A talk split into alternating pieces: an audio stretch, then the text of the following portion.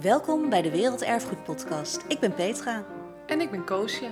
Namens Stichting Werelderfgoed Nederland en de Nederlandse UNESCO-commissie vertellen wij alles over werelderfgoed.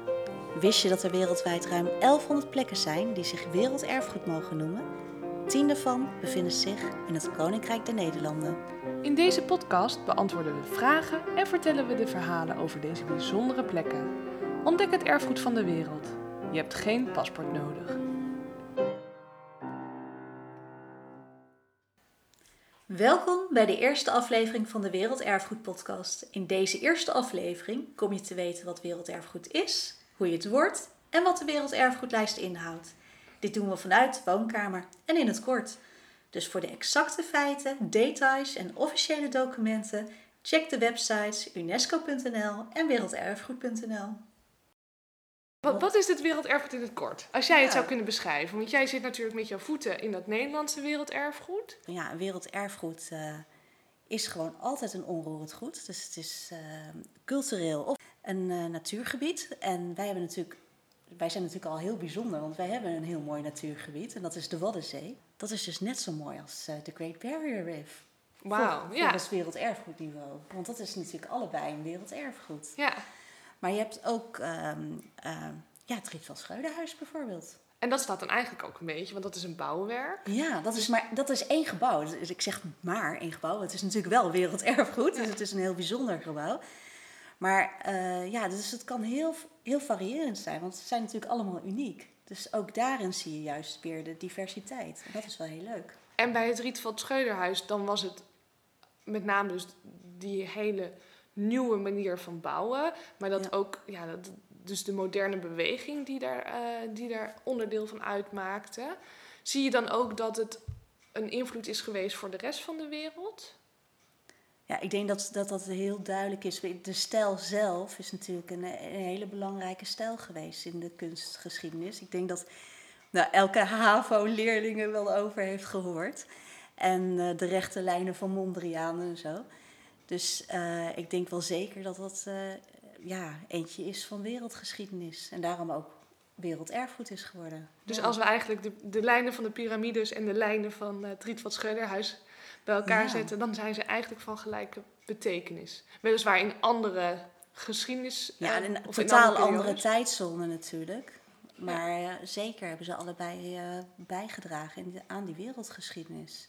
Dat is natuurlijk ook wel het hele mooie hè, van die werelderfgoedlijst. Het, is allemaal, het zijn allemaal soort bouwsteentjes van eh, onze collectieve geheugen. Je zou kunnen zeggen, hè, ik bedoel, die piramides die wij hebben eh, in Egypte, dat is weliswaar niet bij ons in Nederland, maar we hebben er allemaal over geleerd en het heeft ons allemaal iets gegeven. Koosje, wie benoemt een erfgoed tot werelderfgoed? Werelderfgoedcomité, dat zijn de landen die besluiten over nieuwe inschrijvingen. eh, onderdeel van UNESCO, dus de VN-organisatie, die onder andere gaat over werelderfgoed. Die komt één keer per jaar samen. En dit keer zou dat dus in China zijn. En dan gaan zij eigenlijk de belangrijkste beslissingen nemen over het behoud en beheer van eh, werelderfgoed, maar ook over nieuwe inschrijvingen. En Nederland is daar ook bij aanwezig. Want het was eigenlijk heel spannend geweest nu, in juli. Want we zouden een uitbreiding krijgen van een werelderfgoed. De stelling van Amsterdam. En een nieuw werelderfgoed zou misschien toegewezen worden. En dat waren de koloniën van weldadigheid. Ja. En die zijn natuurlijk al een tijdje bezig. Die zijn zeker bezig. En ik denk dat dat is ook wel een heel erg mooi sprongetje om kort iets te vertellen over hoe je nou eigenlijk ook werelderfgoed wordt en wat het is. Om te beginnen is het belangrijk om te noemen, hè, er was eerst een verdrag. Dat kwam in 1972, hebben de landen van UNESCO besloten dat het erfgoed, het natuurlijke en culturele erfgoed, dat zo belangrijk is voor onze wereldgeschiedenis, om dat te willen beschermen. Nou, daar kwamen internationale afspraken over in de vorm van een verdrag. Een bindend verdrag ook nog om te zeggen. En later, een aantal jaar later, is eh, besloten om daar een lijst aan toe te voegen. En op die lijst zouden de belangrijkste plekken eh, komen in de wereld die echt nooit verloren zouden mogen gaan. Maar ook om aandacht te vragen voor plekken die dus extra kwetsbaar zijn. En om landen aan te moedigen om daar dus heel erg goed voor te zorgen. Nou, dat was eigenlijk het begin. Eerst een verdrag en toen kwam er daarna een lijst. Maar is dat dan een soort gentleman agreement? Dus dat zeggen ze toch, als je een afspraak maakt die niet ja, wel bindend is, maar dat je dat een beetje onderling zeg maar, afspreekt? Of is het wel, moet je het echt wel breder zien? Nou, het is, het is internationaal recht. Uh, dus er zit wel degelijk een, uh, nou ja, een, een zwaarte aan. Hè, er, je hebt naast nationale wetgeving, dus internationale afspraken. En dat is inderdaad iets waar je als, als wereldgemeenschap uh, naar, naar kan verwijzen. Je kunt best zeggen: hé, hey, je bent niet zo goed bezig met je, uh, met je erfgoed.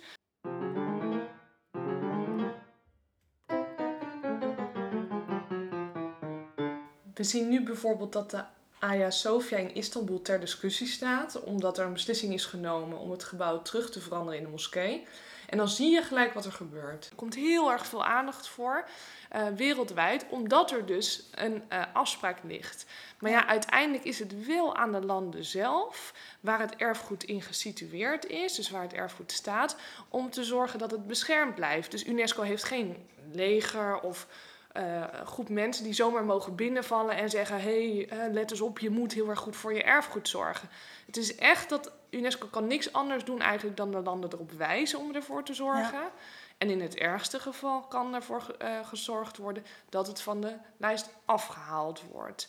Uh, dat is eigenlijk het zwaarste mechanisme. Oké, okay. maar als je dan kijkt bijvoorbeeld bij uh, wat er nu gebeurt in Istanbul, hè, dan is dus een, een werelderfgoed. Dat was natuurlijk vrij toegankelijk voor iedereen. Uh, ze wouden het ook bewaren voor, voor de toekomst. Hè. Daarvoor word je dan ook op de lijst gezet. En, uh, maar zij zeggen van ja, we willen het eigenlijk weer terugbrengen naar een moskee. Hè. En dan is het wat minder toegankelijk. En dat is dus eigenlijk wat, wat je nu zegt van ja, dat is aan het land zelf om te kijken hoe je dat wil bewaren. En hoe je dat, op welke manier je dat wil invullen. Ja, nou dat is op zich wel die regels zijn eigenlijk best wel goed vastgelegd. Want op het moment dat je dus een werelderfgoed wil gaan inschrijven, dan moet je een heel erg groot nominatiedossier uh, inleveren. En in dat dossier heb je gedetailleerd beschreven wat hetgene is dat deze plek zo bijzonder maakt. En dan hebben we het over die uitzonderlijke waarden die omschrijving, die verklaring van waarom het zo mhm. belangrijk is, is ook gelijkertijd het uitgangspunt okay. um, van bescherming. Dus je kunt zeggen, nou ja, kijk, dat er misschien iets verandert aan een plek, hoeft niet gelijkertijd te betekenen dat daarmee die uitzonderlijke waarde verdwijnt.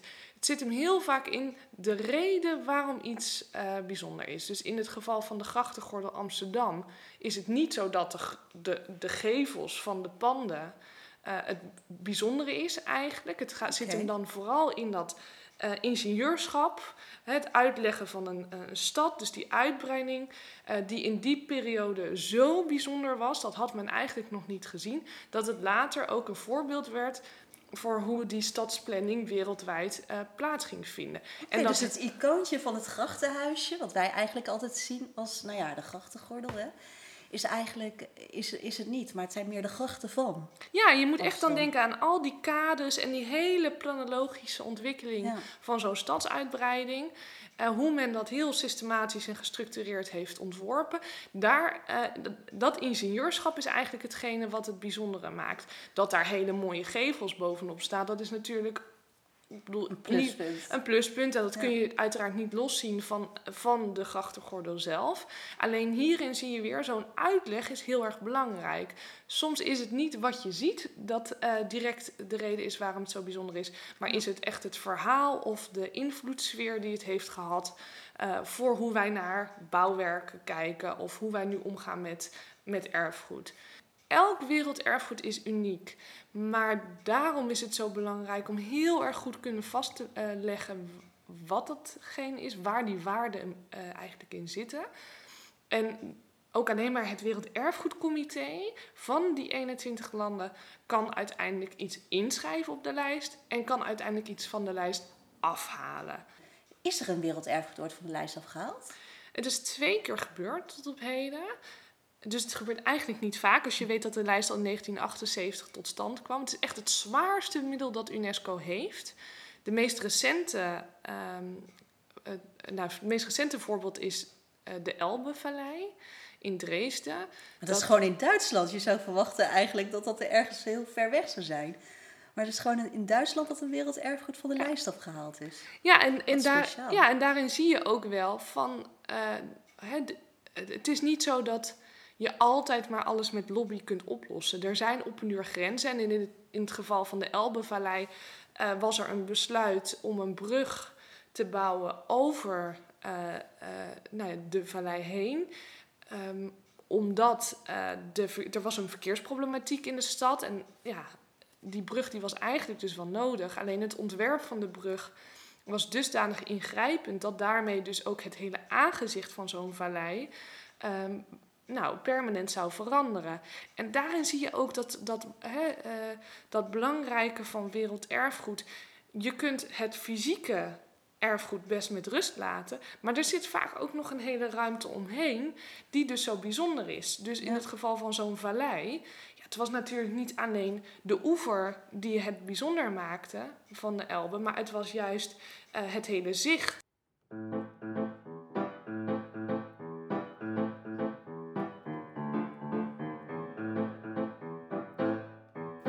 Er is een, uh, bijvoorbeeld een gevarenlijst waarmee UNESCO werkt. Dus wanneer er sprake is van een mogelijke bedreiging van een werelderfgoed of een aantasting van de belangrijkste waarden van dat erfgoed, bijvoorbeeld door.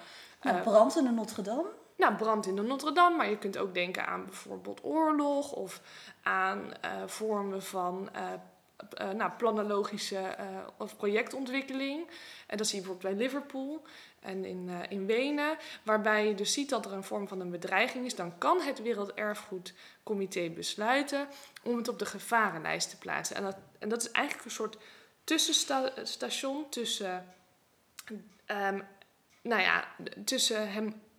Eigenlijk voordat je nog ervan afgehaald wordt. Okay. En dus dan krijg je een soort waarschuwing, zeg maar.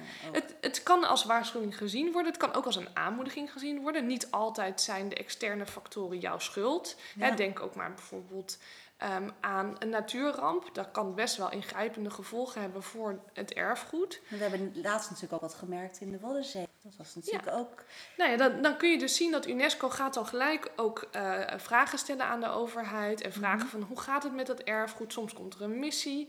En in zulke gevallen zie je dat... Um, dat zo'n besluit voordat iets wel of niet op die gevarenlijst komt, daar zit echt een hele grote rapportageplicht uh, aan vooraf. Maar zo'n gevarenlijst kan wel degelijk ook juist positief zijn, omdat er dan ook middelen beschikbaar gesteld worden, zodat landen aangemoedigd worden om, uh, om de situatie te verbeteren. En soms gebeurt het ook bij de Galapagos-eilanden bijvoorbeeld, waarbij echt wel verbeteringen waren gemaakt. Wat was daar het probleem? Dat waren de bezoekersstromen. Daar gingen, kwamen zoveel uh, toeristen gingen richting die Galapagos-eilanden. Maar ja, dat, die het is juist natuur, dus dat wil je natuurlijk beschermen. Ja, en, hoe hebben ze dat opgelost? Nou, toen moest er dus een, een, een, bezoekersbeleid komen. En heeft UNESCO best wel strikte eisen gesteld aan, aan uh, nou, het verminderen van de bezoekersstromen en dat veel beter reguleren. En toen men dus zag dat er eigenlijk verbeteringen waren, toen kon het van zo'n gevarenlijst af. Uh, maar als men jaar op jaar op jaar ziet dat er gewoon geen uh, vooruitgang geboekt wordt, ja, dan op een uur dan heeft UNESCO ook geen mogelijkheid meer. Maar je ziet wel echt dat landen proberen om of van die lijst weg te blijven.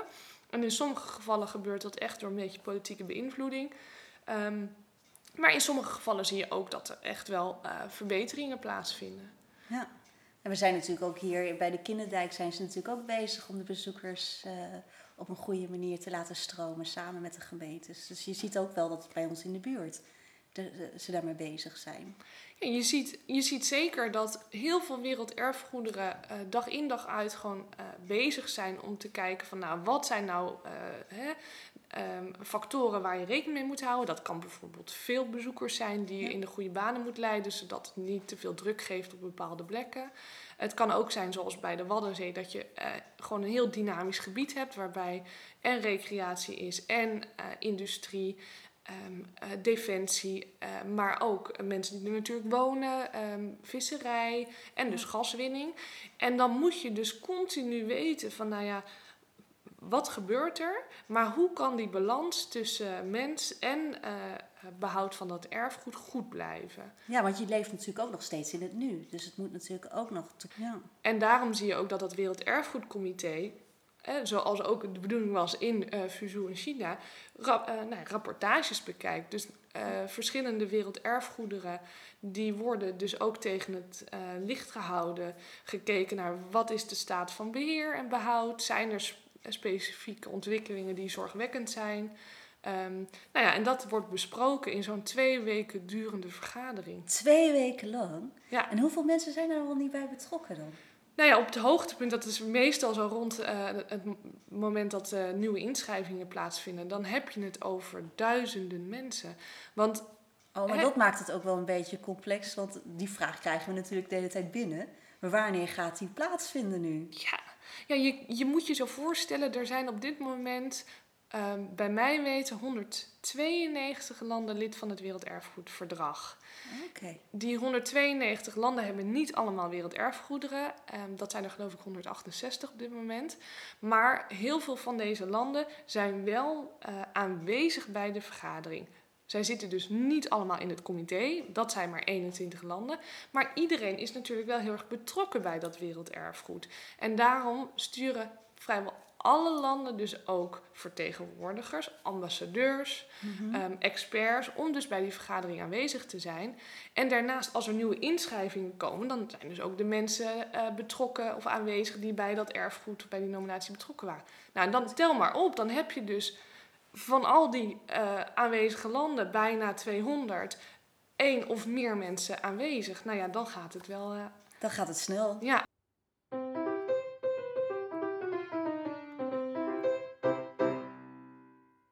het hoeft niet allemaal mooi te zijn, hè, werelderfgoed.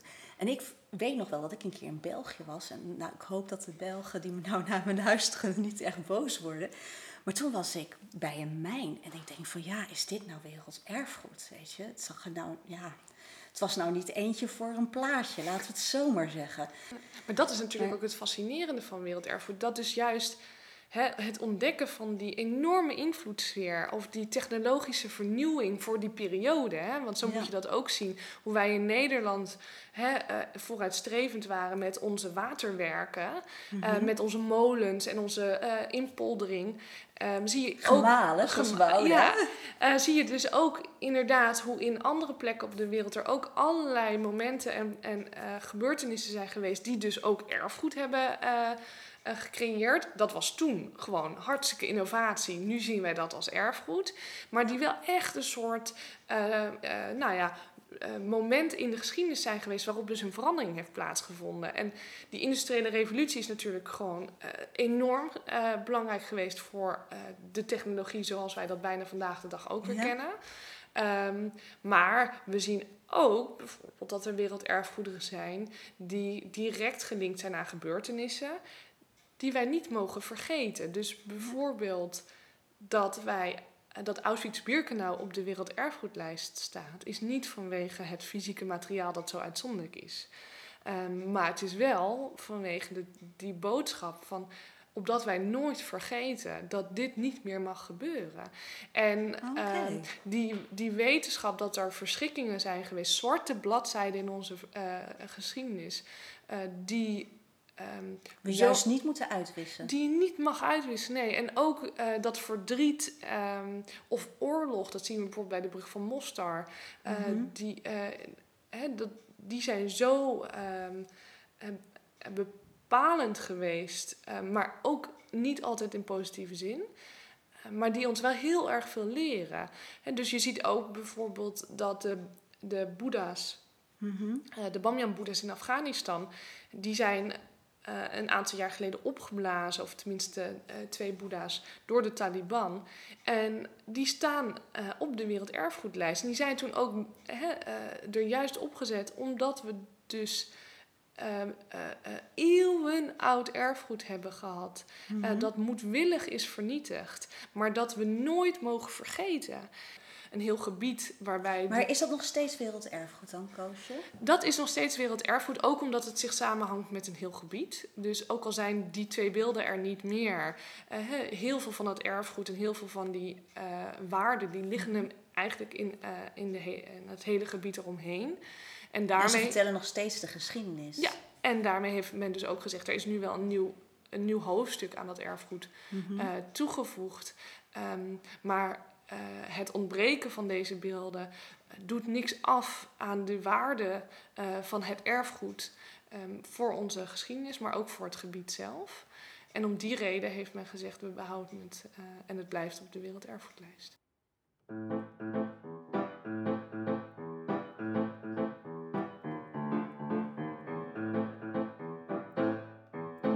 Het interessante is, soms zijn het, zo, zijn het ook plekken waarvan je niet eens heel erg stilstaat bij uh, hoe bijzonder ze zijn. Omdat het je, hè, de, voor mijn gevoel, ik was heel vaak door de Beemster gegaan, gereisd. Ik dacht dat zijn polders. Tot ik dus eigenlijk uh, kennis maakte met werelderfgoed en mij ging verdiepen dus in die betekenis van zo'n plek. Um, en toen dacht ik, jeetje, je gaat er mhm. dus zo vaak doorheen zonder er kennis van te nemen. En dan vervolgens kom je dus achter wat het nou eigenlijk bijzonder maakt. Maar elke plek heeft dus echt zijn eigen verhaal. Ja, ik denk dat dat ook het leuke is van werelderfgoed. Soms heb je het niet door. En, uh, en nou zijn wij Nederlanders ook al wel goed daarin. Hè? We zeggen altijd wel van, uh, ja, doe maar normaal, dan doe je gek genoeg. Dus ik denk dat het ook vaak uh, wij niet zien wat voor bijzondere dingen wij hebben in onze omgeving. Uh, pas als anderen ons erop wijzen. En bij de beams is natuurlijk ook, ja, die rechte lijnen zie je pas echt goed vanuit de lucht, hè? Ja, ja dat dus is dan, dan, toch weer eigenlijk pleiten we voor een vliegtuig. Dus dan doet het toch niet helemaal goed. dat was juist is er een andere manier om het te bekijken, ja. Ja, maar, dat kan dus ook bij jullie op de website. Dus als je kijkt bij www.werelderfgoed.nl, dan kun je heel erg goed ook naar die individuele uh, plekken of werelderfgoederen binnen het koninkrijk kijken. Ja, dus als je echt benieuwd bent van welke werelderfgoederen er zijn, dan zou ik inderdaad gewoon kijken op werelderfgoed.nl. Makkelijker kan het eigenlijk niet. Ja. En dan zie je ook uh, in het kort uh, waarom zij zo bijzonder zijn. En je linkt ook gewoon naar hun eigen website dan met eventueel meer informatie. En als je dan bij www.unesco.nl kijkt, dan kun je dus ook nog de werelderfgoed in de rest van de wereld bekijken. Ja, maar dat is ook wel heel erg leuk hoor. Want dan kan je dus kijken van, uh, nou ja, heel veel mensen die vinden het ook leuk als ze op vakantie gaan. Wat je nou niet kan doen, maar je kan nu dus wel uh, via je laptop gewoon op vakantie. En dan kan je eventjes uh, op visite bij een werelderfgoed in een ander land. En dan kan je gewoon kijken op een land en dan kijken wat daar voor bijzondere werelderfgoederen zijn.